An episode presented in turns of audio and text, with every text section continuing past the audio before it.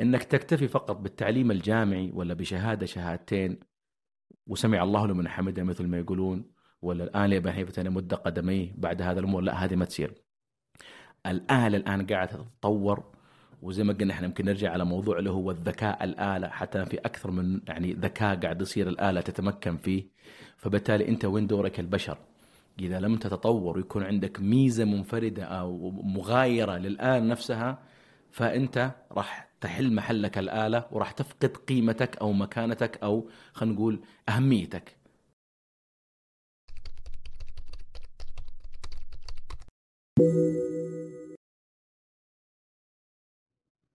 أنا الدكتور مازن شاوش وبرفقة الدكتور هادي فقيهي نحييكم في بودكاست أبعاد رقمية المقدم من تليباثي بالتعاون مع المنظمة السعودية لنظم المعلومات. نناقش في هذا البودكاست موضوعات تقنية وأبعادها الاجتماعية والاقتصادية والثقافية وسنأخذكم في رحلة معنا لاستكشاف هذه الأبعاد. منذ القرن الثامن عشر ومع ظهور الثورة الصناعية الأولى التقنيات لعبت دور مهم في إحداث تغيرات كبيرة على اقتصادات الدول. واليوم نشهد أحدث التقنيات واللي صممت من أجل محاكاة الذكاء البشري وحتى التفوق عليه. هنا نتحدث عن الذكاء الاصطناعي وتأثيره على مستقبل أسواق العمل والمناخ الاقتصادي.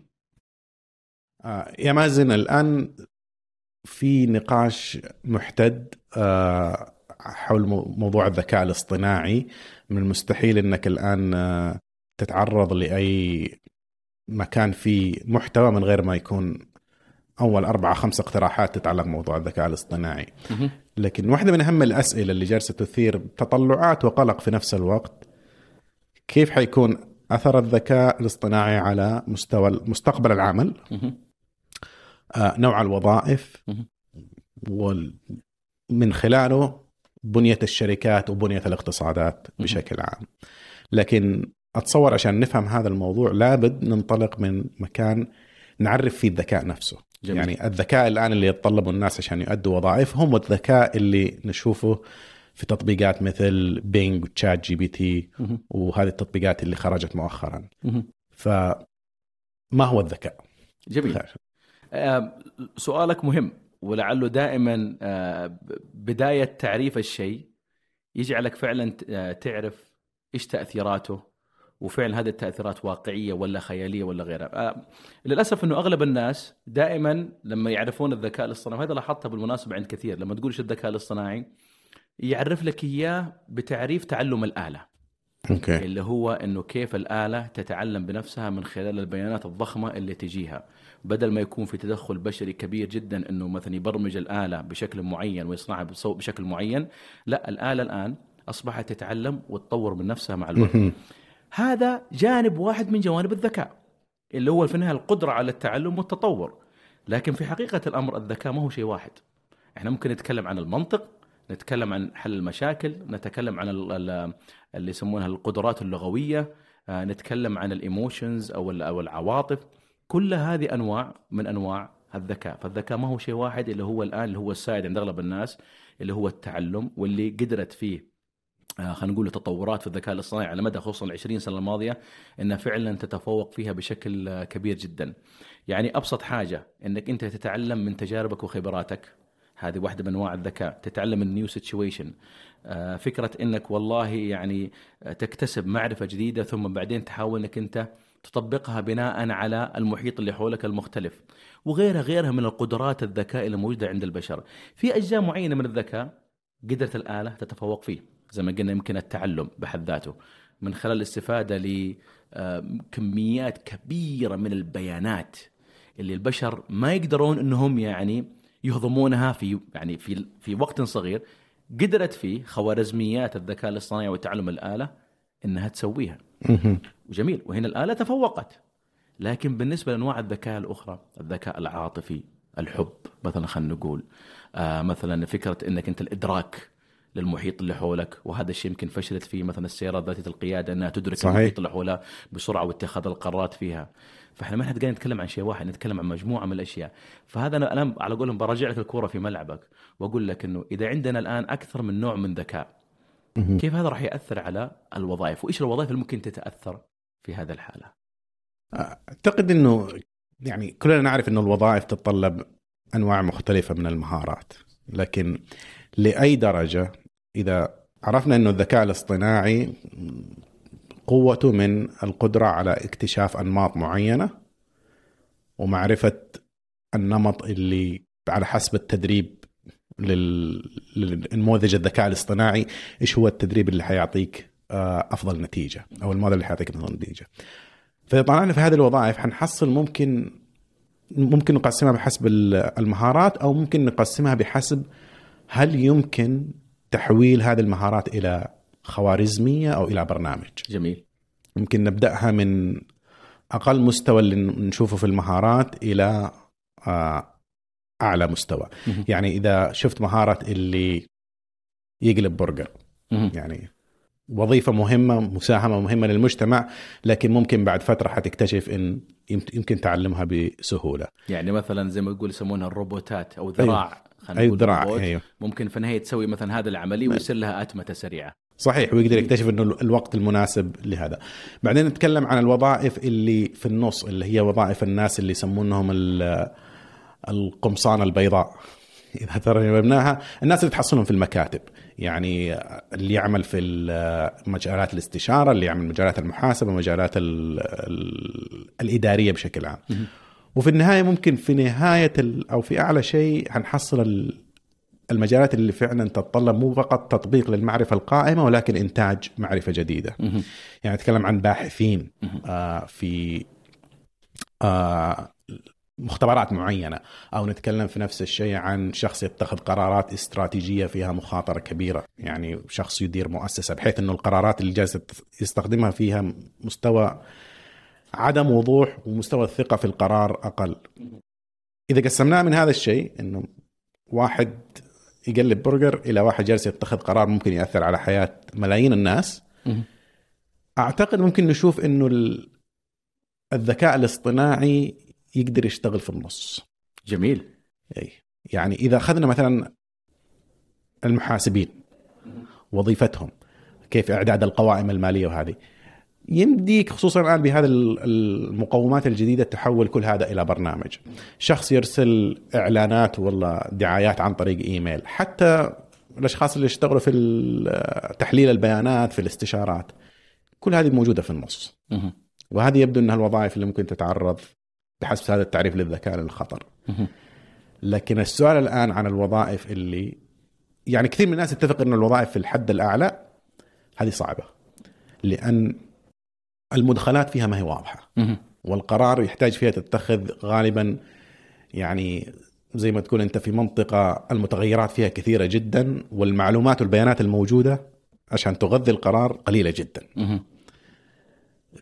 ممكن إذا وصلنا لمستوى الذكاء العام حنقدر نتخلص من الوظائف.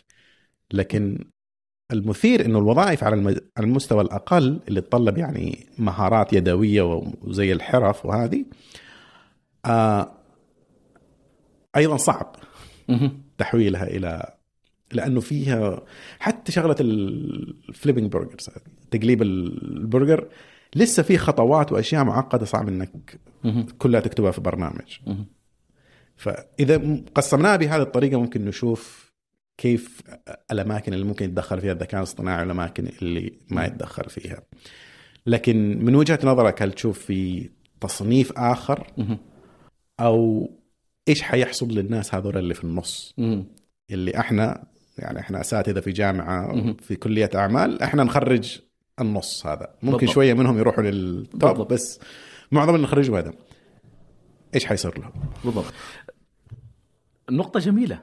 فعلا أنا خليني أمسك على آخر نقطة ذكرتها وراح ابني عليها أنا بحكم إنه عملي في نظم المعلومات أوكي. والطلاب اللي جوني طبعا من كل تخصصات الإدارة مختلفة مالية محاسبة تسويق management. فلعل واحدة من الأشياء اللي على قولهم يعني أنذر منها وأبشر عنها في نفس الوقت فكرة إنه يا جماعة ترى تخصصاتكم وظائفكم راح تتغير. إذا ما انتبهتم لهذه الأمور وتطورتم معها وتعرفون الأجزاء اللي في تخصصكم اللي ممكن يصير لها آه، أتمتة أو ال- الآلة تحل محلكم. طبعا إحنا نستخدم كلمة آلة عشان نشير إلى نفس المصطلح هو ماشين ممكن تكون يعني something أو شيء محسوس ممكن يكون غير محسوس مثل زي مثلا التطبيقات. جميل.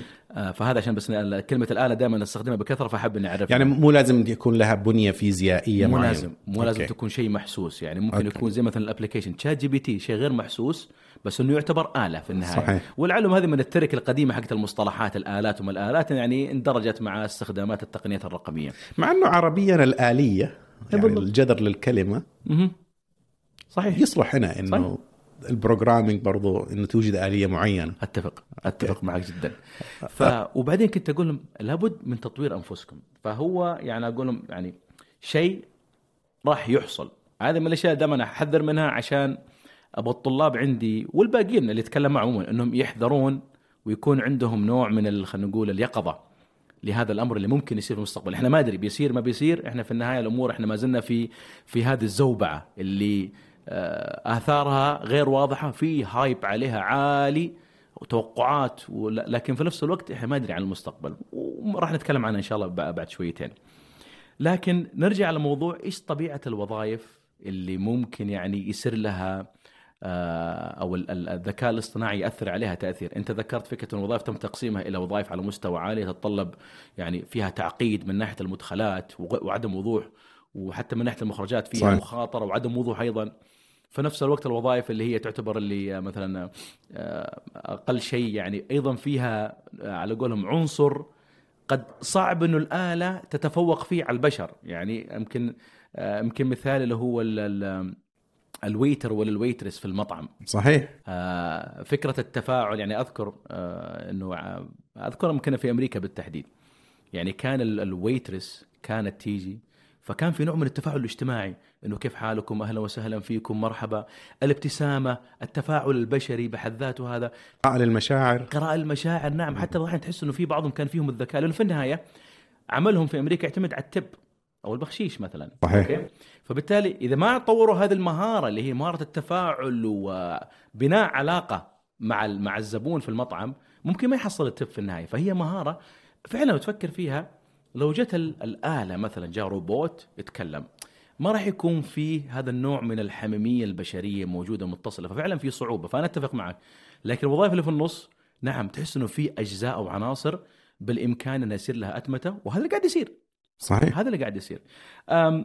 في نفس الوقت إحنا ممكن ننظر لها من زاوية ثانية آه، اللي هي إنه آه، من منظور اللي هو المعرفة والقدرات اللي هي knowledge and ability. أوكي. آه، ممكن نفرق بين هذه المصطلحين جميل. كبداية؟ النولج هي المعرفة البشرية. أنت من خلال مثلا قراءتك وتعلمك فأنت مم. تكتسب معرفة في النهاية. صحيح. آه، المعرفة تأتيك من عدة مصادر سواء كانت مثلا عن طريق مثلا السماع عن طريق قراءة الكتب عن طريق التعلم في المدارس عن طريق يعني جميع العناصر اللي تعطيك مدخلات في النهاية تبني عندك المعرفة آه، في أي مجال من المجالات.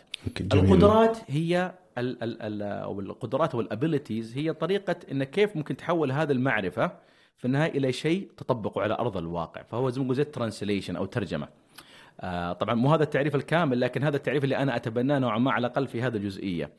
آه اللي صار إنه المعرفة البشرية هذه قضية قديمة جدا. يعني نقول خلينا نقول ممكن نقول إنه كانت المرحلة المفصلية اللي هي آه، الآلة الطابعة أو مطبعة جوتنبرغ اللي ظهرت أعتقد في القرن الخامس العشر أو الرابع عشر حاجة زي كذا. تقريبا. كانت المعرفة في الماضي زي ما أنت عارف محصورة لأنه طباعة الكتب أو استنساخها ونسخ الكتب كان في مشكلة. كان يأخذ وقت فبالتالي وكان في مكلف جدا شراء الكتب وكذا. فالمعرفة كانت متركزة عند ناس معينين خلينا نقول الطبقات الأرستقراطية أو الناس من يملكون الأموال. وكانوا أغلب العوام أو يسمونهم الكومن بيبل ما كان عندهم هذا الدخول أو استخدام المعرفة. آه، طابعة جوتنبرغ كسرت هذا الشيء وحولت المعرفة أنه الآن بإمكانها تكون يعني تنتج بشكل كبير. ويكون لها آه، دخول من قبل ناس آخرين أو استخدام من قبل ناس كثيرين جدا. ولذلك المعرفة انتشرت. فالمعرفة موجودة الآن مصادر المعرفة في كل مكان. وأعتقد يمكن التقنية ساعدت أنه انتشار هذه المصادر. لكن القدرات أو ال abilities ما زالت محدودة. إلى قبل ال artificial intelligence أو الذكاء الاصطناعي. في النهاية من خلال التعلم في الجامعات الناس يبدون يتخصصون. يعني مثلا المبرمجين غالبا هم ناس متخصصين مثلا في آه، آه، ال computer science أو علوم الحاسب أو مثلا في ال software engineering أو مثلا في آه، نظم المعلومات وغيرها من التخصصات. فيبغى لها وقت من التدريب والتعلم إلى أن تكتسب هذه القدرات من قبل الأشخاص. وغالبا تكون فيها نوع من الخصخصة وال specialization فمو كل الناس عندهم القدرات. مع الذكاء الاصطناعي ممكن أبسط مثال عندنا هي ال generative AI اللي هي زي مثلا ChatGPT وغيرها من الأمور هذه كلها. أنت الآن بإمكانك تدخل على ChatGPT وتسأله مثلا عن كود معين. صحيح. يعني مثلا إحنا نستخدمها في أبحاثنا إحنا مثلا ما إحنا مبرمجين في Python أقوياء جدا. لكن بعض الأحيان نحتاج Python يساعدنا في حلول لبعض مشاكلنا البحثية. خلينا نقول مثلا data scraping اللي كيف نجيب ال data من الإنترنت ولا من غيرها. وفي النهاية ما إحنا خبراء في Python تروح ChatGPT تقول له أعطيني كود يساعدني مثلا إني أسوي scrape أو اللي يسمونها خلينا نقول يعني جلب ال data من الإنترنت ومن المواقع. ChatGPT راح يساعدك راح يعطيك كود. مو لازم يكون كود مليون في المية صحيح في مشاكل بطبيعة الحال. لكن أعطاك القدرة اللي كنت أنت محروم منها سابقا. صحيح. فهذه ميزة النوعية هذه الآن من التقنيات الجديدة اللي هي أنها تعطيك القدرات اللي كنت أنت محروم منها سابقا. فهذا الشيء لعله يعني له تأثيرات أخرى. آه مثلا التأثير إنه آه هؤلاء الناس اللي ما كان عندهم القدرات في السابق راح يكون عندهم الآن قدرات أكبر. تخلق عندنا وظائف جديدة مثل ما مثلا عندنا بعض الوظائف صار لها أتمتة ولا الاله أخذتها. فبالتالي صار عندنا آه نوع من الناس اللي يقدرون يأخذون هذه مثلا القدرات من مختلف أدوات الذكاء الاصطناعي اللي موجودة. عندنا هنا فهذه ممكن تكون نوعية من الوظائف الجديده اللي تخلق غير اللي مثلا آه، صار لها أتمتة في الماضي. طيب من كلامك يا مازن أنا جالس أسمع إذا تسمح لي يعني ألخص هذا المحتوى إنه في ثلاث خيارات حنواجهها مو شرط إنه يا واحد أو الثاني بس هذه الثلاث خيارات القائمة. الخيار الأول اللي يعني ما نقدر ننفيه إنه حيصير هو مسألة إنه في وظائف حتختفي وحيتم إحلالها بالآلة. صحيح. وهذه الوظائف مو بس الوظائف اللي تجدها في المصانع وإنما الوظائف اللي تجدها في المكاتب. لكن من كلامك أيضا في وظائف حيتم تعزيزها وتقويتها. صحيح. يعني مثلا الآن آه، خليني أعطيك مثال على كيف أنا أستخدم آه، الذكاء التوليدي عشان يساعدني في التدريس. واحدة من الأشياء اللي تاخذ مني وقت طويل إنه كيف أصمم نشاط صفي بحيث أقدر أطبقه في المحاضرة. الأسبوع الماضي آه الشيخ ChatGPT آه ما قصر يعني. سوالي يعني عدلت أعطيته المدخلات وزي كده بس أعطاني نشاط صفي من ألف إلى باء وكان ناجح جدا. جميل. الطلاب انبسطوا فيه. جميل. سويته في نص ساعة بدل في الأوقات العادية ممكن ياخذ مني ليلة كاملة أشتغل عليه فممكن هذه نطاق التعزيز. بس أيضا أنت جالس تتكلم عن خلق وظائف جديدة. أشياء ممكن ما هي موجودة. صحيح. ممكن تركز شويتين على هذه الاحتمالات وإيش الاحتمال اللي تشوفه أكثر يواجهنا على مستوى الاقتصاد يعني. جميل. اذا إذا أول شيء نمسك يمكن الموضوع اللي هو الأتمتة. انه إنه تيجي الآلة تحل محل البشر في هذه الوظائف. هذا الشيء يعني وزي ما أنت تعرف ويمكن كثير من المستمعين يعرفونه ما هو جديد. هذا الشيء قديم جدا ويمكن يمكن خلينا نقول نبدأ مع المرحلة اللي فيها توثيق أكبر اللي هي مرحلة الثورات الصناعية خصوصا الأولى والثانية. في هذه الفترات لما ظهرت عندنا الآلة مثل مثلا مبنية على على المحرك البخاري أو الآلات اللي مثلا وضعت في المصانع من أجل الإنتاجية. فكانت فكرتها وفكرة صاحب المصنع في النهاية إنه يجيب الآلة هذه اللي تنتج بكميات أكبر بدل ما يكون هم البشر اللي يسوونها بكميات أقل. فدائما لو نلاحظ إنه على مر التاريخ دائما إحنا نحاول يعني نسوي أشياء أكبر باستخدام مدخلات أقل بطبيعة الحال. هذا مفهوم الكفاءة يعني اللي تصر عليه الشركات ويصر عليه يعني أي أحد يشتغل في ال business. بالضبط. مفهوم الكفاءة هذا. الأتمتة جزء لا يتجزأ من طبيعة الشركات والمنظمات. إنها دائما تبغى تحاول بأقل المدخلات أو التكاليف واللي يسمونها factors of production إذا إحنا أخذناها مثلا مفهوم اقتصادي إلى إنه إحنا نطلع منتجات معينة بأقل التكاليف. فكانت الأتمتة هاجس عند كثير من أصحاب رؤوس الأموال والشركات الآلات اللي صارت. وأصبح البشر طبيعي يعني بطبيعة الحال بما أنه أخذت منهم وظائف وسلبت منهم وظائف للآلة صاروا هم يخلقون أو يعني يعملون في وظائف جديدة. ابسط لما كان عندنا يسمونه الأسمبلي لاين أو خط الإنتاج. فأصبح البشر يشتغلون في خطوط الإنتاج. لكن اللي صار عندنا في هذيك الفترة آه اللي هي فكرة إنه البشر أصبح شغلهم روتيني في نفس الوقت وأصبح شغلهم في جغرافية معينة آه وفي نفس الوقت أصبح البشر يعملون آه خلينا نقول على شكل اللي هو عقود صح فيشتغل الشخص يمكن طول حياته في مصنع معين في نفس الوظيفة الريبيتيتيف هذه والمتكرره من أجل نحصل على مثلا راتب معين في نهاية الشهر. فكانت هنا أغلب الوظائف يصير لها بطبيعة الحال الأتمتة هنا عندنا. نعم لما جاء وقت الثورة الصناعية الثالثة واللي تميزت بتقنيات مختلفة مثل الإنترنت وأشباه الموصلات وغيرها وخصوصا يمكن الإنترنت وطرق التواصل واللي هي والكونكتيفيتي نسميها والتعاون. صار عندنا تغير أيضا في طبيعة الناس والوظائف اللي يشتغلون فيها. فأصبح الآن العالم ممكن يشتغلون مع ناس في مختلف المناطق بدل ما كنت معزول في خط إنتاج معين أو في مكتب معين لك وظيفة معينة واحتكاكك مع الناس فقط في منطقة جغرافية معينة لا أصبح احتكاكك ممكن مع ناس في مختلف أنحاء العالم. بطبيعة الحال التقنية هذه اللي هي مثلا الإنترنت وغيرها مثلا من الأشياء اللي ظهرت في نفس الوقت آه، خلت حتى يمكن الشركات تتغير. طبعا الشركات مبنية على شكل هرمية زي ما إحنا عارفين. صحيح. هرمية مثلا من الاداره الاستراتيجيه الاداره التكتيكيه إلى اداره مثلا العملية. آه، صارت بدل ما تكون هرمية أعلى صارت خلينا نقول مور فلات أو مسطح الشركات. بطبيعته إنه الآن التقنيات خدمتك بهذا النوعية من نماذج الأعمال والتغير في تصميم الشركات. وتغيرت أيضا معها الوظائف. نوعية ال- اللي هي ال- الوظائف المع... اللي تحتاج تعتمد على المعرفة ظهرت. في هذاك الزمن فترة صحيح. الخمسينات والستينات وانت طالع. آه، في عندنا أيضا في نفس الوقت في عملية أتمتة عالية بطبيعة الحال. طبعا المكائن وال- والهندسة هذه ال- ال- ال- الآلات أصبحت معقدة أكثر فأصبحت تنتج بكميات أكبر وبتدخل بشري أقل أيضا. انه الإنسان عرف كيف يطور من علمه ومعرفته إلى حيث أنه يصنع آلات خلينا نقول متفوقة على البشر في كثير من الأحيان في المصانع هذه.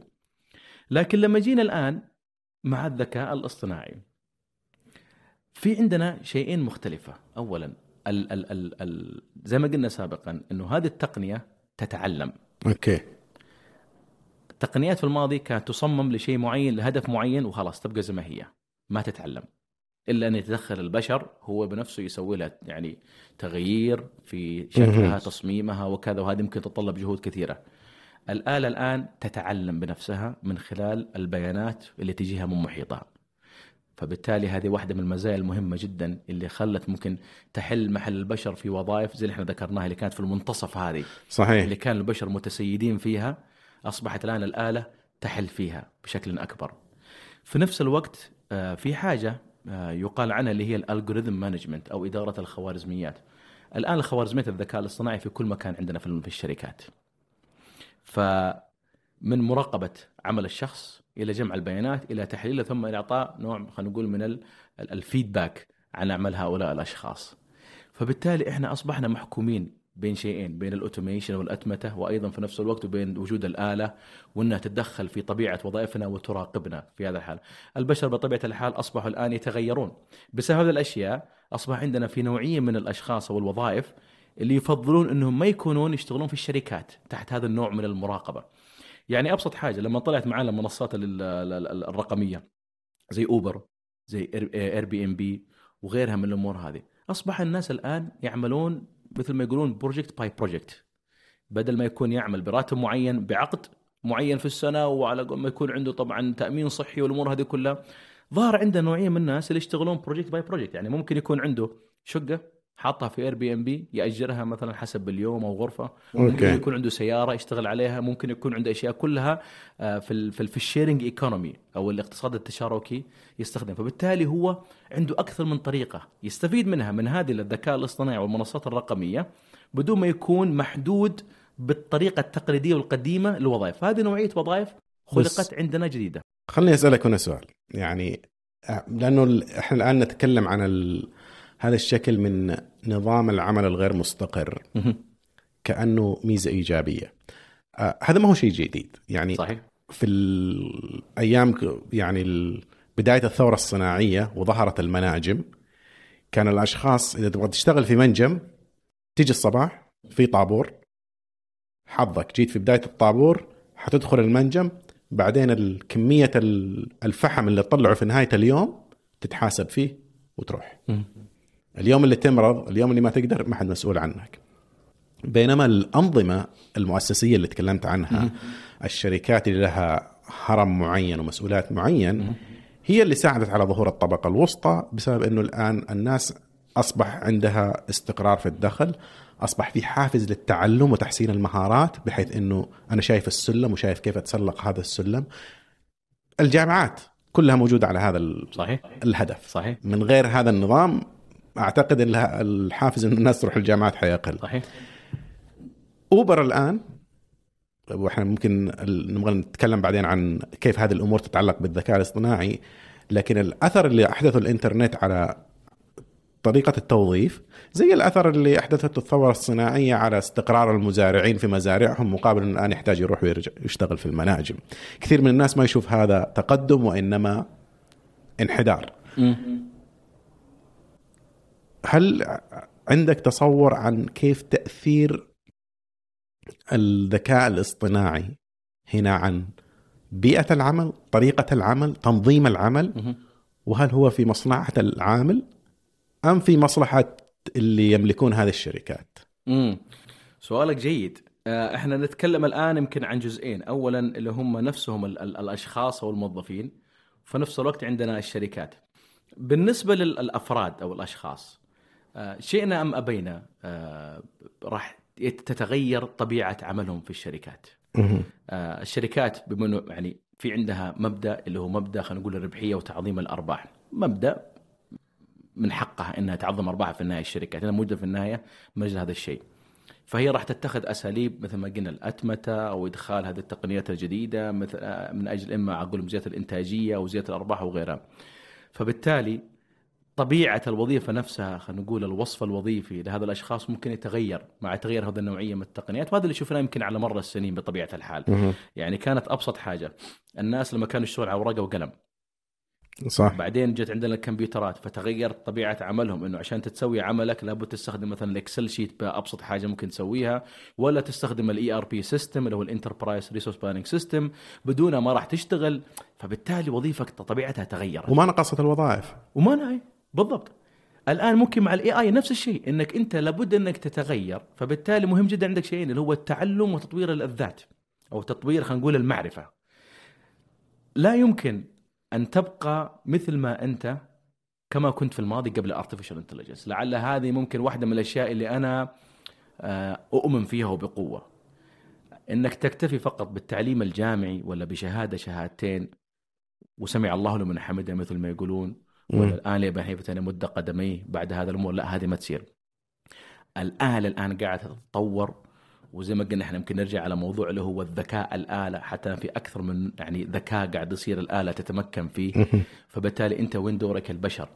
إذا لم تتطور ويكون عندك ميزة منفردة أو مغايرة للآلة نفسها فأنت راح تحل محلك الآلة وراح تفقد قيمتك أو مكانتك أو خلينا نقول أهميتك. عند الشركة هذه بحد ذاتها لأن في النهايه الشركة في النهايه ما تبغاك أنت تكون إنسان مجرد تكاليف عليه لازم نعم. عندك من فائدة صح ولا لا؟ صحيح. أنت يا مساهمتك تدخل في جزء العوائد أو في جزء التكاليف. بالضبط. فإذا مساهمتك لجزء التكاليف زاد عن مساهمتك لجزء العوائد مع السلامة. بالضبط. فبالتالي أنت لابد أنك تتطور. يعني فكرة أنك الآن فقط تكون شخص متخصص خلينا نقول في المالية فقط. وأنا أدرس المالية وأفهمها يعني من من الألف إلى الياء. بدون ما أفهم كيف ممكن التقنيات الرقمية الجديدة واللي أهمها آه، اللي هو الذكاء الاصطناعي كيف يأثر علي؟ أعتقد إنك أنت راح تكون مثل ما يقولون أبسوليت صح. في المستقبل. فبالتالي لازم من التطور ولازم من التعلم واكتساب القدرات والمهارات الجديدة. إحنا زي ما قلنا في عندنا النولج المعرفة وفي عندنا الابيلتي القدرات. أنا في رأيي إنه في الزمن هذا من أجل يكون لك قيمة كبيرة لابد يكون عندك الاثنين ذولا مستواهم عالي. المعرفة والقدرات في هذه الحالة. أنا يمكن أبغى أترك موضوع المنظمات والتغيير بيصير لك أنت لأنك أنت أفضل مني فيها بكل صراحة. لا آه يعني أعتقد إنه إذا فهمنا طبيعة العمل داخل منظمة حيسهل علينا يعني نفهم تكوينها.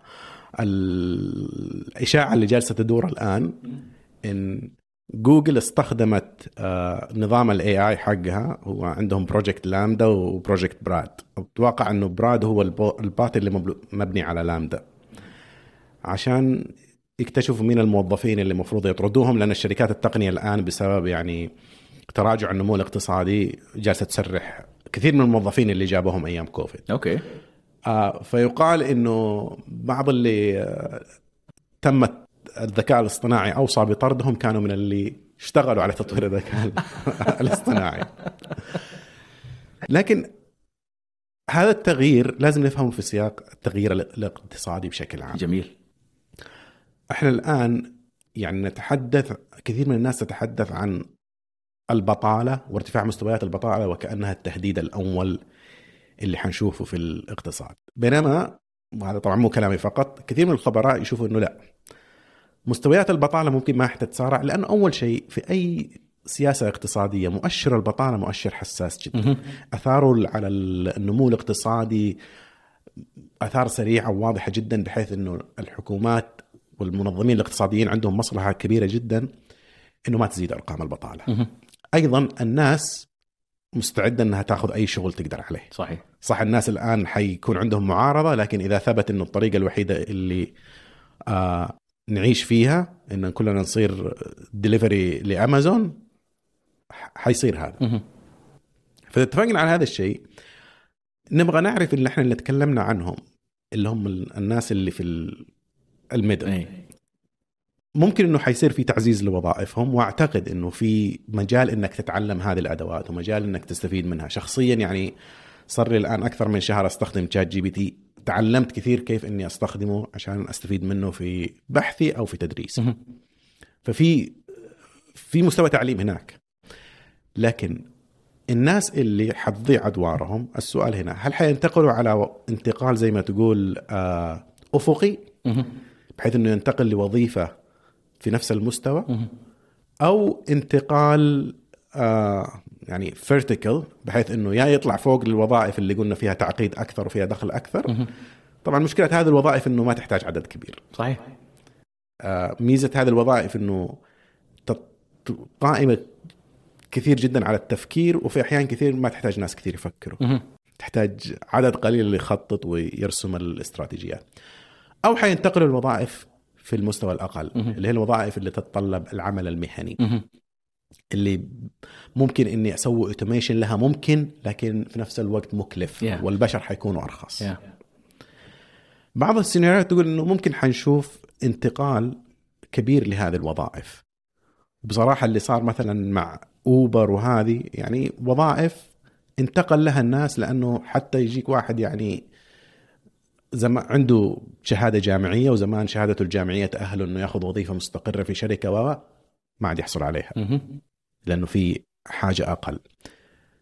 فهذا التأثير الأول ما حيتسبب في زيادة مستوى البطالة ولكن حيتسبب في مشكلة اقتصادية ثانية خطرها أكبر. لكن مو واضح مباشرة وهي عدم المساواة في الدخل. جميل يعني من ال... الكلام اللي تفضلت فيه يعني عن كيف إنه في حلول ج- كثير جدا حي... حنستطيع أن نجيبها من خلال الذكاء الاصطناعي. معناته إنه في قيمة حتخلق من استخدام أدوات الذكاء الاصطناعي وهذه القيمة حتترجم إلى يعني دخل. لكن الدخل هذا حيروح لمين؟ هل حيتوزع؟ بحيث بشكل يعني أكثر آه، يعني مساواة بين الناس؟ أو في فئة في المجتمع حتأخذ هذا الدخل البسيط بحيث إنه إحنا الآن نتكلم عن الواحد في المئة تقريبا ما أعرف آخر الإحصائيات مستوى دخلهم وصل 50% وأكثر حنوصل إلى المستوى اللي واحد في المئة بسبب توظيفهم لقدرات الذكاء الاصطناعي حيسيطر لك على 70 أو شيء زي كذا من الناتج الاقتصادي. في وجهات نظر في هذا، فخليني أنا ممكن أطرح وجهة نظري وأحب أسمع وجهة نظرك. تفضل وجهة النظر إنه تتقل يعني صحيح إنه إحنا نتكلم عن أدوات قوية جدا. هذه الحلول اللي يتم ابتكارها. بس في نفس الوقت هذه الحلول اللي قادرين على إنه يبتكروها قلة جدا. يعني الآن كل الناس تتكلم عن ال AI تحس إنه كل الناس مختصين في الحقيقة عدد المختصين واللي عندهم الكفاءة إنه يطلع لك بحلول تقارن يمكن تقارنها ب ChatGPT عدد قليل جدا. آه هذا العدد قليل جدا جالسين يتركزوا في شركات قليلة جدا. تحصلهم في OpenAI اللي هي مدعومة من مايكروسوفت تحصلهم في فيسبوك فيسبوك بالمناسبة يعني إنتاجها في مستوى الذكاء الاصطناعي مذهل جدا. جدا. آه تحصلها في جوجل لحد أقل أبل وتسلا وخلاص. الناس موجودين هنا صحيح. ما هم موجودين في بقية الشركات. بقية الشركات الناس اللي ممكن زي اللي يقول لك يفهم الموضوع بس ما هو مختص. زينا كلنا. بسبب هذا الشركات اللي عندها المقومات من ناحية الذكاء البشري في هذا حتستطيع إنها تبتكر هذه الحلول وتقدمها إلى السوق بشكل أسرع من بقية الشركات الثانية. طبعا الناس بعدين حيبدأوا يتخصصوا في مجال الذكاء الصناعي وحتزيد عدد عددهم، الجامعات الآن كل الجامعات الآن جالسة تقول لك إنه إحنا جالسين ندرس ذكاء اصطناعي عشان يجذبوا طلاب أكثر. يب حيصير زي قصة اللي جرى أول ميل في أربع دقائق، هذا كان إنجاز عظيم. الناس ما تصورت إنه في أحد يقدر يجري ميل كامل في أقل من أربع دقائق. الآن عدد اللي سووه في السنة بالآلاف. مم. قمة إيفرست. كانت مستعصية على إنه أحد يوصلها والآن كل سنة بالآلاف مهم. اللي يتسلقوا قمة إيفرست. لدرجة إنه ما عاد صار أصلا إنجاز يمكن الواحد يتباهى به. يا نفس الشيء حيصير مع ال AI بس لما يصير هذا حتكون الشركات اللي استقطبت الناس في البداية وطورت تقدمت في المستوى التقني بس أيضا تقدمت في وجودها في السوق. عرفت استخدامات هذه التقنية عرفت سلوك المستهلكين آه، استطاعت إنها تبني حواجز تنافسية بحيث اللي يجي بعدين زي كأنك تحاول تنافس مع فيسبوك في 2015 أو تنافس مع جوجل بعد سنوات من خبرتهم في هذا المجال. كل هذه العوامل حتخلي فئة قليلة جدا قادرة على إنها تستخلص كل القيمة اللي حي. يجنيها آه، الذكاء الاصطناعي وتتركز في يد مستثمرين قليل في يد ملاك قليل في يد موظفين قليل بينما بقية الناس حيضطروا إنهم يقضوا وقت وهم يبحثوا عن وظائف جديدة وممكن يت- يتجهوا إلى وظائف تدفع أقل وهذا حيوسع مستوى الدخل أو. عدم المساواة في الدخل لمستويات إحنا ما وصلنا لها. الآن في العالم أصلا مستوى عدم التكافؤ في ال- في الدخل يعني وصل إلى مستويات مرعبة لكن الذكاء الاصطناعي حيعطي دفعة قوية لهذا الظاهرة هذه وجهة نظري إنه أنا صراحة متشائم آه، من ناحية تأثير الذكاء الاصطناعي مو على مستوى الوظائف الناس حتلقى وظائف يعني العمل هو مصدر الدخل ومصدر الكرامة بالنسبة للإنسان. لكن إيش نوع الوظائف اللي حيرضوا فيها. ما أدري إيش وجهة نظرك يعني. في نفس هذا السؤال. لا هي هي ما أختلف معاك لأنه أساسا الأمر هذا له تاريخ في الماضي. أساسا شركات جوجل ومايكروسوفت وغيرها من الشركات اللي ظهرت وأبل هذه كلها كلها ظهرت آه، وهي الآن هي المسيطرة والمتمكنة. في زمن صار فيها ال concentration للمعرفة عندهم أقوى. هم جابوا العلماء جابوا الناس المتفوقين في مجالاتهم والمتخصصين اللي كانت المعرفة هذه ما هي منتشرة مثلا عند الناس الآخرين. فتركزت عندهم بطبيعة الحال. فصاروا هؤلاء ال big tech companies يعني في مثلا إحنا اللي نسميها اللي هي ال network effects أو ال network strategies أو استراتيجية الشبكات اللي هي winners take all إيش إيش هذه الاستراتيجية اللي نقدر نش- جميل. نشرحها؟ فك- فكرة اللي هي ال network strategies اللي هي فكرتها إنه قيمة الشيء تزداد مع كثرة مستخدمينه. مثلا إحنا في الماضي أول ما طلعت التليفونات هل التليفونات لو استخدمها شخص واحد لها قيمة؟ ما لها قيمة.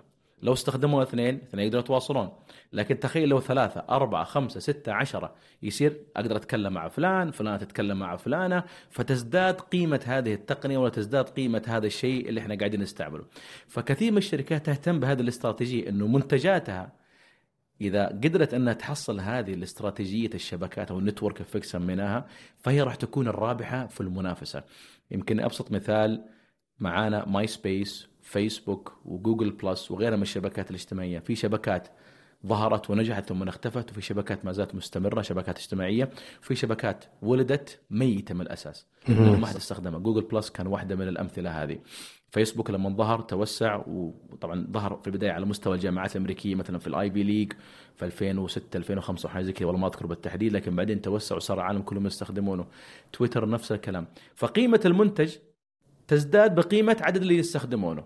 وأنت لك كفرد في النهاية تستفيد من هذه القيمة أكثر. خليني أنا أسأل. أتوقع إنه يعني سهل نفهم هذا في آه تويتر. إذا تويتر ما حد يستخدمه ما في ما له منفعة من أي أحد. لكن إذا تويتر فيه كل الناس اللي أبغى أسمع منهم في منفعة صحيح. لشخص. كيف هذا الموضوع ينطبق على الذكاء الاصطناعي التوليدي؟ على أشياء زي تشات جي بي تي أو حتى Bing جميل. هي في النهاية لو نلاحظ إنه ال generative AI أو ال- ال- ال- ال- الذكاء الاصطناعي التوليدي وغيرها من التقنيات الرقمية عموما نأخذها اللي معناها ثاني مرة تقنية. الشركات اللي تقدر تستفيد من هذه التقنيات من البداية وتتفوق فيها وتقدم خدمة مختلفة عن غيرهم المنافسين راح تمسك حصة من السوق جيدة. ويكون لها الأولوية يمكن هذه إحنا نسميها في نظرية ال diffusion of innovation في البداية لهم. يعني لكن أنا ما أدري إيش معناتها بالعربي ال diffusion of innovation إيش ممكن ترجمتها الصحيحة أو ترجمتها ال- ال- الجميلة خلينا نقول. I don't know تسرب الابتكار مم- ممكن نحطها. بعدين ترجمة تحت هناك هذه أيوه كلمة ديفيوجن إنه هو الشيء لما ينتقل ويتوسع يتوسع، ينتشر- أيوه ينتشر. أيوة، إنه- بشكل إيه، إيه. يعني مو سريع. هذه الفكرة إنه أنت الشركات ممكن تستفيد من هذه الناحية لكن لا تنسى إنه هذه تقنيات جديدة. إحنا قاعدين نتعلم منها. في دروس في الماضي وعبر في الماضي نستنبطها من الثورة الصناعية الثالثة والثانية والأولى وهذا شيء جيد. لكن في شيء أيضا مغاير في نفس الوقت في هذه التقنيات. إحنا لازم ما إحنا قاعدين تعرف اللي مثل يقول لك ما إحنا عارفين كيف نحط إصبعنا على المشكلة. لحد الآن. لأنه واحدة من الأشياء اللي ممكن أقول لك إياها فكرة التعلم الآلة هذه فكرة خرافية ما كانت موجودة في الماضي فكرة كمية البيانات الهائلة اللي تنتج وتستخدم من هذه التقنيات ترى في نفس الوقت هذه أيضا يعني تعطيك نوعية من التقنيات وفي نفس الوقت فوائد وبوتنشل خلينا نقول إمكانيات ومخاطرة أيضا في نفس الوقت. فكرة الأنظمة والقوانين اللي قاعدة تتغير وأصبحت الدول والمجتمعات تدرك آه هذه الأشياء اللي قاعد تصير. مع نوع من البطء القليل مع تطور التقنيه المتسارع لكن أصبحت الدول والمجتمعات مدركة هذا الشيء. لما تطلع لك مثلا آه، اللي هي مثلا قوانين متعلقة بخصوصيه البيانات. وعندنا إحنا الآن في شهر مارش السعودية بيطلع عندنا يعني قانون خصوصية البيانات. كيف هذا راح يأثر على الشركات من ناحية من يمتلك البيانات؟ وفين تخزن البيانات؟ هذا راح يأثر على مصيرها. ممكن في النهاية الذكاء الاصطناعي والتقنيات الجديده اللي تبغى تستخدمها وتتوسع فيها وتكون فيها متميزة ممكن ما تقدر لأنه موجود في عقبات معينة بسيطة على الشركات وخلينا نقول يعني أنظمة وقوانين ما تخليها تتوسع في الاستخدام. فهذه ترى يعني لابد نحطها في البال إنه يعني ما زلنا نتعلم شيء جديد هذا اولا. ثانيا ال- ال- ال- التعقيد البيئة المحيطة بالتقنيات ممكن يخلي عندنا يطلع إما لاعبين جدد أو إحنا نشوف شيء جديد ما قد شفناه إحنا بطبيعة الحال. طيب أنا يعني مهم جدا ان ذكرت موضوع خصوصية البيانات. جميل. آه شفت فيلم آه There Will Be Blood دانيال دي لويس؟ لا ما شفته. أوكي فيلم رهيب. الفيلم هذا الآن صار في نظرية مبنى مبنية عليه. آه حاحرق الفيلم على المتابعين اللي ما يبغى. اللي يبغى يشوف الفيلم أول يروح يشوفه لكن آه اللي ما عنده مشكلة خلينا نحرق يسوي. بوز بعدين يرجع يكمل ثاني مرة أي. جميل ففي نهاية الفيلم طبعا ها- هو يتكلم عن شخصية يعني في بداية النفط وظيفته إنه يروح يبحث عن أماكن فيها نفط ويحفر ويجي. ففي شخص كان في البداية معارضه وواقف ضده لكن في النهاية خضع لهذا التطور التقني وجاء يعطيه مقترح آه، أعمال إنه أنا عندي أرض واحتمال كبير إنه فيها نفط إيش رأيك نتعاون ونتساعد وانت تحفرها ونتشارك ال- الدخل okay ففي النهاية يقول له أنا قد حفرت تحت أرضك وشفطت كل النفط اللي عندك لأن زي ما يقول إنه أنا عندك أنت عندك ميلك شيك. وأنا عندي مصاصة okay بتوصل للكوب حقك وتشفط يا سلام. فيه. هذه النظرية تستخدم اقتصاديا لأنه في دول.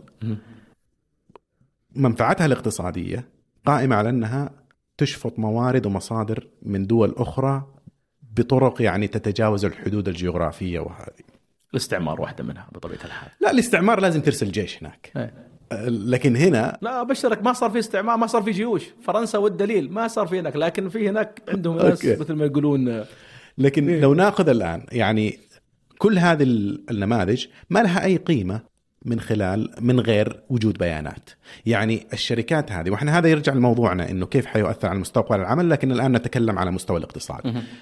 إحنا كدولة من آه يعني اهتماماتنا الاستراتيجية إنه نحمي حقوق العمال هنا نحمي حقوق الشركات نحمي اقتصادنا. صحيح. منتج شات جي بي تي عشان كله منفعة في السعودية منفعة خاصة بنا لازم يستخدم بيانات من المحيط السعودي. بيانات في ناس اللي الناس اللي جلست على المنتديات تكتب. يعني من حيعوضهم. أو الناس اللي تكتب في ويكيبيديا. كل الناس اللي خلقت الإنترنت أصلا. وكثير من هذول الناس خلقوه بشكل مجاني. الآن إيش موقفنا من ناحية البيانات وخصوصيتها. لأن شركات زي مايكروسوفت وزي آه، جوجل عندها مصاصة اسمها الإنترنت وإحنا عندنا ال- الميلك شيك اللي مليء بهذه البيانات. حتشفطه هي اللي تاخذ القيمة بينما نحن نتحول فقط إلى مستخدمين لهذا التقنيه. فأعتقد إنه الآن طلعنا من مستوى فقط العامل والشركات لمستوى الاقتصاد لكن إيش موقفنا من هذه؟ إيه لا بطبيعة الحال هذه واحدة من ال- المواضيع اللي قاعد تناقش الآن على مستوى العالم ليست قضية خصوصية البيانات ومن يمتلك البيانات وحتى فين تخزن البيانات على مستوى الدول. الموضوع موضوع آه، ترى يعني إذا جينا على مستوى الدول فهو موضوع أمن قومي. صحيح. آه، في حاجة الآن يسمونها ال data residency مهم. أو ال data locality إنه فين ال data تخزن؟ ال data حقت السعودي. أنت يا هادي وأنا يا مازن. الآن إحنا عندنا ديتا قاعدين نخلقها في الإنترنت أو ننتجها في الإنترنت. مثلا خلينا نقول والله مثلا في فيسبوك ولا مثلا في جوجل ولا في غيرها. هل بياناتنا تكون مخزنة في دولة مثلا في الهند ولا مثلا في أوروبا ولا في أمريكا ولا افترض تكون مخزنة في السعودية؟ هذه قضية. سيبك من الاشياء مثلا حقت الشركات الأخرى. خلينا نقول مثلا أنت بياناتك كمواطن سعودي مثلا بيانات معلوماتك مثلا حقت البنوك ولا معلوماتك آه، كمواطن دخلك ورقمك وكل المعلومات اللي تتبعك أنت. ومتعلقة بالدولة. فين يفترض تكون؟ يفترض أن تكون داخل السعودية. أي معلومات حساسة يفترض أن تكون في داخل البلد. المسألة مسألة أمن قومي. لأنك شيئين رقم واحد ما تبغى يصير لك زي اللي صار لبعض الدول في أيام الحروب جت الشركات الأخرى قطعت عنها الخدمات حقتها. فبالتالي أنت كانه البيانات حقتك راحت برا وما تقدر تجيبها ثاني مرة. وهذه معضلة كبيرة. ثانيا الأنظمة والقوانين اللي توضع في دول أخرى قد لا تنطبق عليك وتكون لها إشكالية عليك أنت. فبالتالي من الأفضل إنك تجيب البيانات عندك وتخزنها. فهذا قلنا على مستوى الدول.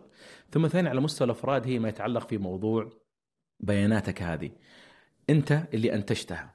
مثلا أقول لك إحنا من سنين نستعمل ال social media وتويتر ولا غيرها.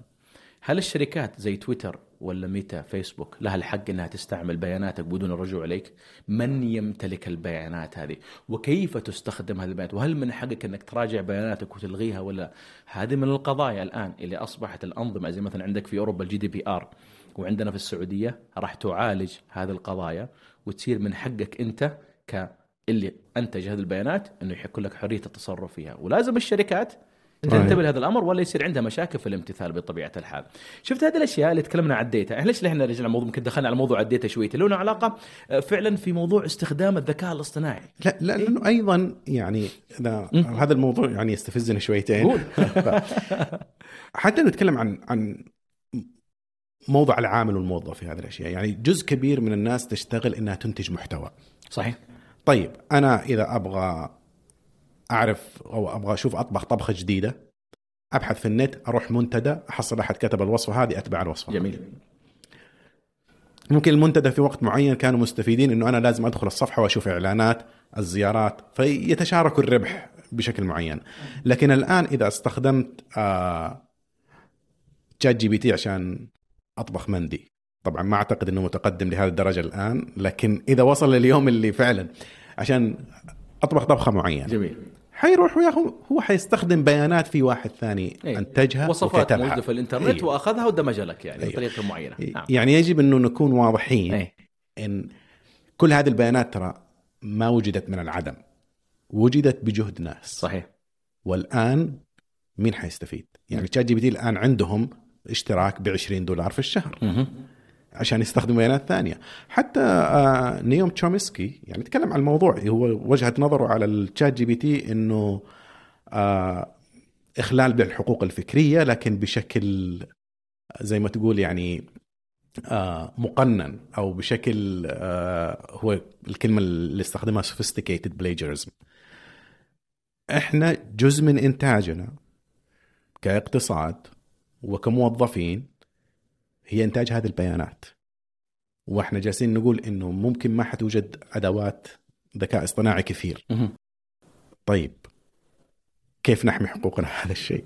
جميل. خلينا بس أقول لك حاجة في لقاء تابعته آه، ستيف ووزنيك اللي هو ال co-founder حق أبل. فكان يتكلم وجابوا لقاء والله ما أدري معي قناة في أمريكا لكن كان يتكلم عن الشات جي بي تي لما طلع وال hype اللي صار فجأة عليه. فأعتقد حسب ما أذكر إنه قال حاجة متعلقة بإنه يعني إنه is there is a machine but there is no intelligence in it by the way يعني. ف وكان هو مع ال hype لكن بعدين يبدو إنه تغير رأيه في موضوع مثل هذا ال generative AI وحاجة زي كذا. وهذه صراحة يعني شخص خلينا نقول مرجع زي ستيف ووزنيك يعتقد صحيح هو يعني شاف تاريخ التقنية يعني من بدايتها. yeah فهذا شيء يعني أول شيء يدلك إنه الموضوع أساسا على مستوى كبير جدا على مستوى ناس مفكرين وناس هم ال- اللي خلقوا هذه التقنيات اللي إحنا الآن نستخدمها ونعيشها والشركات هذه اللي نشوفها الآن. فالموضوع ما هو بسهل وبسيط وممكن يعالج في جلسة أو جلستين. الموضوع وهذا الموضوع الدبيس من زمان حتى من أيام التسعينات والألفية لما طلع الانترنت وغيرها من تقنيات الويب. فالموضوع لن ينتهي بالمناسبة يعني آه، حتى من خلال اللقاء لكن الآن إحنا نفتح خلينا نقول ال- ال- المشاهد أو المستمع. يكون عنده خلينا نقول التفكير إيش اللي قاعد يصير بالضبط وش ممكن يصير وأنت أنت يعني يصير لك القدرة في اتخاذ قراراتك بنفسك بدل ما يجي غيرك يتخذ قراراتك آه، بالنيابة عنك. نعود لنقطة ال- ال- ال- البيانات. آه، آه، تشات جي بي تي ترى مناسبه والتقنيات هذا ال generative AI أو ال- ال- ال- ال- الذكاء الاصطناعي التوليدي ترى صار عليه محاكمات بالمناسبة. آه، وهذه يمكن واحدة من الأشياء المتعلقة بال intellectual property أو الملكية الفكرية. إنه زي مثلا دالي. دالي اللي هو from text to image واحدة من منتجات ال OpenAI تشات جي بي تي text to text مثل نص ونص لكن هذا نص إلى صورة. آه، في ناس رفعوا قضايا على دالي قالوا إنه مثلا الصور اللي طلعت هي سرقات لأشياء إحنا أنتجناها وصور إحنا أنتجناها. فالموضوع ما هو يعني بهذه السهولة. لكن قاعد تظهر معانا آه، سياسات وأنظمة وقوانين. يعني يمكن على نقطة آه، نوم تشومسكي اللي هي هذه أنا يمكن أنا أجيب لها مثال إنه عندنا في الاكاديميا إحنا الآن آه، واحدة من أهم الأمور اللي هي تعتبر يعني intellectual خلينا نقول أو فيها يعني معرفية عالية فكرة إنتاج المعرفة أو الأبحاث. صحيح. ظهروا فترة ناس طلعوا أبحاث وكان ال- ال- المؤلف الثاني وال co-author حاطينه تشات جي بي تي. هم طبعا من باب الشفافية زي ما أنت عارف إنه قال لك إنه أنا استخدمت شات جي بي تي عشان أجمع معلومات ولا أكتب الكلام ولا أعطيت prompt اللي هو ال prompt هذا اللي موجود في الشات جي بي تي وطلع لي كلام وأنا دخلته. وأنا كنت إنسان شفاف وصريح عشان ما يكون عندي بعدين مشاكل أخلاقية آه بعدين. okay. إيه.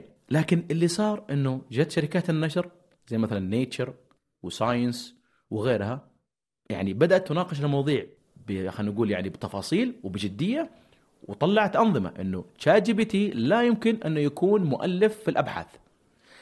وإذا بتستخدمه تحطه في ال acknowledgment إنه أنت تحطه يعني إنه استخدمت الشات جي بي تي فقط في بعض الأمور ولا تستخدم الشات جي بي تي في الكتابة.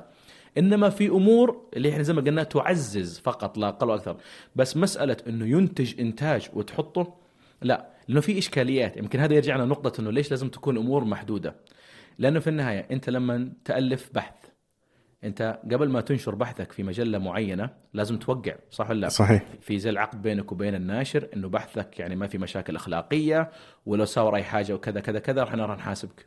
طيب لو لا سمح الله هذا الباحث صار عنده مشكلة أخلاقية أو في مشكلة في البحث طلع مثلا بحث مكذوب البيانات غير صحيحة ولا كذا ولا طلع فيه مشاكل من نحاسب؟ كيف تحاسب الشات جي بي تي؟ غير بإمكانه. ف كان لابد إنه من وضع هذا الأطر والأنظمة والسياسات عشان يصير في عندنا استخدام في النهاية جيد ولاحظ الآن هذا نوعا ما قنن عملية استخدام الشات جي بي تي في واحدة من المناحي اللي كان مت- من المتوقع إنها ممكن تؤثر على البحث العلمي والإنتاجية العلمية بطبيعة الحال. فهذا اللي بيصير. ال- البشر راح يكون لهم ردة فعل وهذا قاعد يصير الآن. حيكون لهم لكن أنا غير متفائل في هذا الشيء لأن السبب إن القوانين يعني بالطريقة اللي ممكن أول شيء تكتب ثانيا تطبق الرتم اللي تمشي عليه مقابل الرتم اللي تمشي عليه التقنية كأنك تقارن سلحفاة مع فيراري طب اعطيك رد على السريع على النقطة هذه وأنا. أتفق معك ترى فيها بالمناسبة. نقطة فعلا التغيرات التقنية التسارع فيها هائل جدا مقارنة بالبشر، وأنا دائما أجيب المثال حق البحيرة. انه مثلا المجتمعات والأنظمة والسياسات والاخلاقيات زي البحيرة هاديه وراكدة، إذا رميت حجر فكأنك زي سويت disruption هذه ال waves والموجات، فتخيل أكثر من حجر يرمي على البحيرة نفسها، في disruption، بالأخير ما راح يصير استقرار بطبيعة الحال. لكن تخيل معي السيناريو هذا توني فكرت فيه يعني okay؟ وانت وأنت قول لي وش رأيك؟ طيب إحنا الآن نقول هذه التقنيات قاعد تأثر علينا. طب ليش ما نستخدم هذه التقنيات عشان نسوي لها استقرار؟ بمعنى إنه ممكن لو طلع معنا ChatGPT ليش ما نستخدم ال ChatGPT عشان نطلع أنظمة وقوانين؟ وممكن بعدين عندنا شيء يستخدم تقنيه الذكاء الاصطناعي يساعدنا على تطبيقها. بس ممكن تصير؟ ممكن تصير لكن هذه الفكرة تفترض إنه مثل هذه التقنيات هي خالية من التحيز لمصلحة اللي أنتجوها. مه. يعني في النهاية جزء من كثير يعني طريقة التدريب وأنا جالس الآن أتكلم في منطقة صراحة ما عندي فيها خبرة ولكن بناء على قراءتي. طريقة التدريب هذه إنه في النهاية في مكافأة وفي عقاب.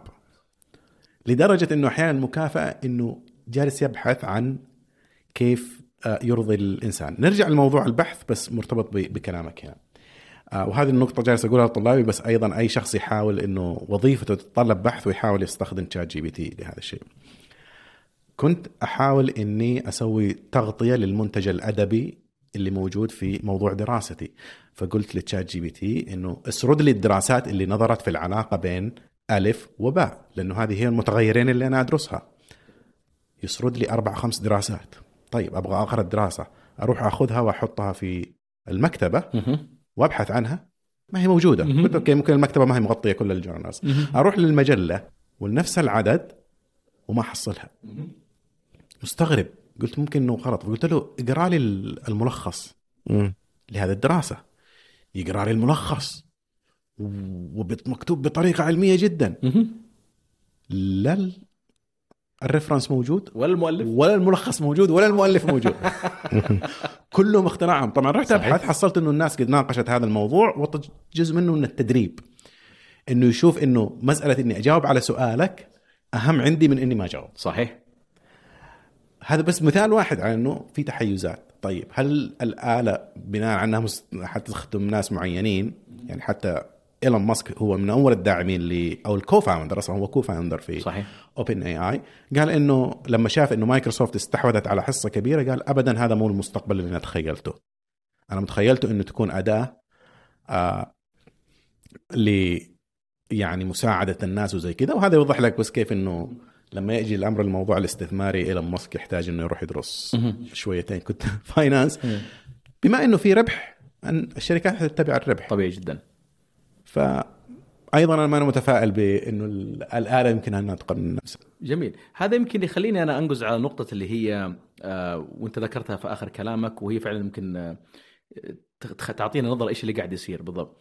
آه على مدى سنين كان في نوع من التبشير خلينا نقول بريتشنج إنه الإنترنت راح يخلوا التقنيه راح تخلي المعلومة وتخلي ال- ال- المعرفة تكون ديمقراطية.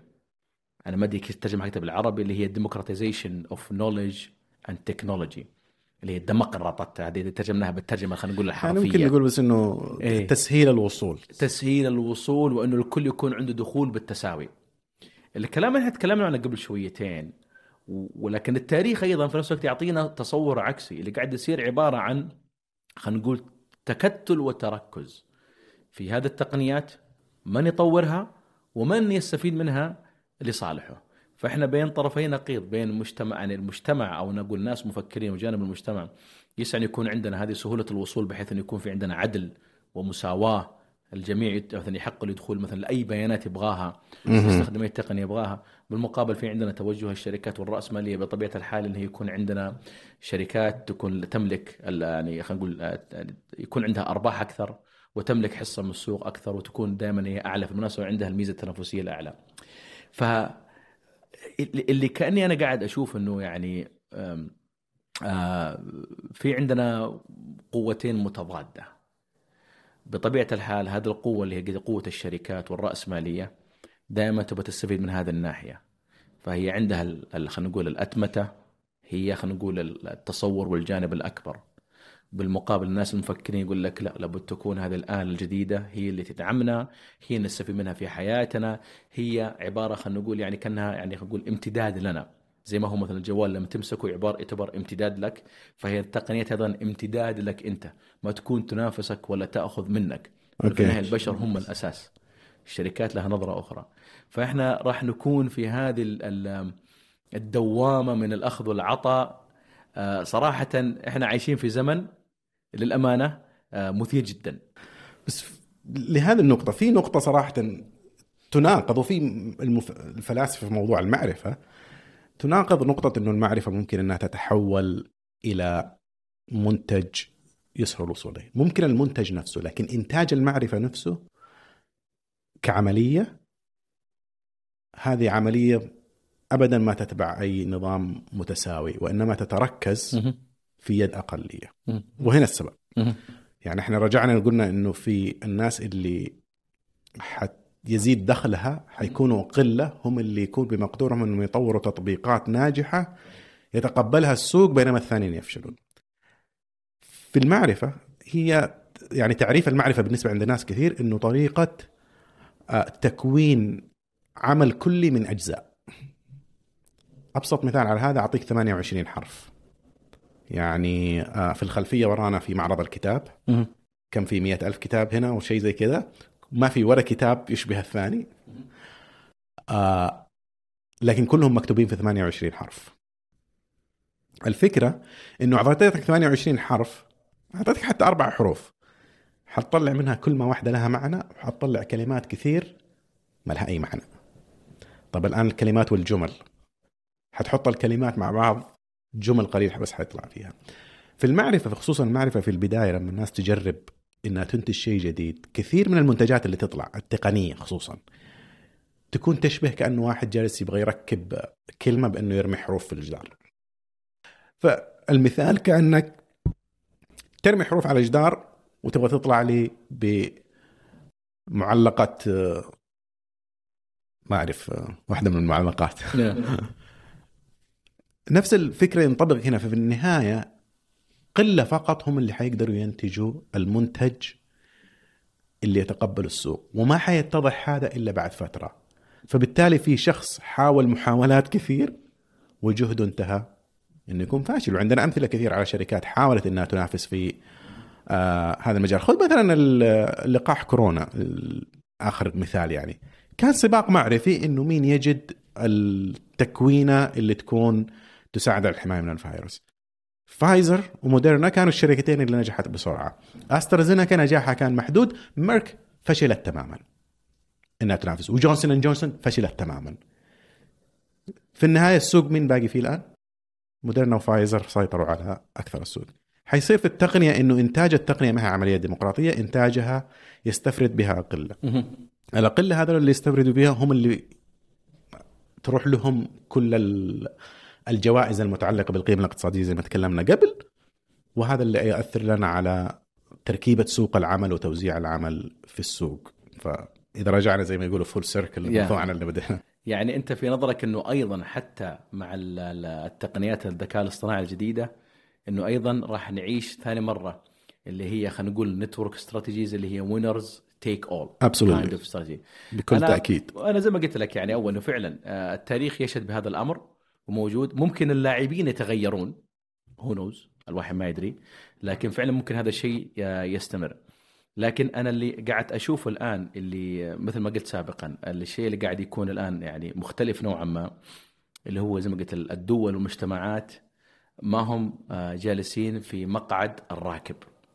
أصبحوا الآن يشوفون كيف الذكاء الاصطناعي والتبعات المتوقعة من الذكاء الاصطناعي ممكن تصير وراح في النهاية يسوون أشياء آه، خلينا نقول يعني آه، ممكن تأثر في النهاية في استخدامات الذكاء الاصطناعي في الشركات وكيف ممكن الشركات هذه يعني في النهاية تطلع بالفائدة الأكبر.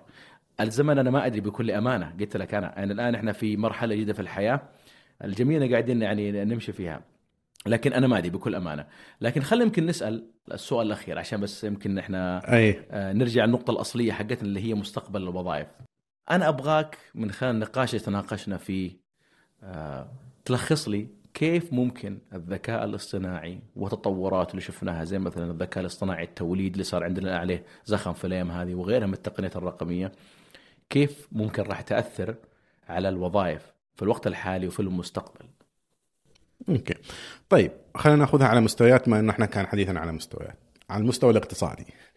إذا تكلمنا عن يعني اقتصاد التقنية فيه يتم فقط استخدامها وما يتم توليدها.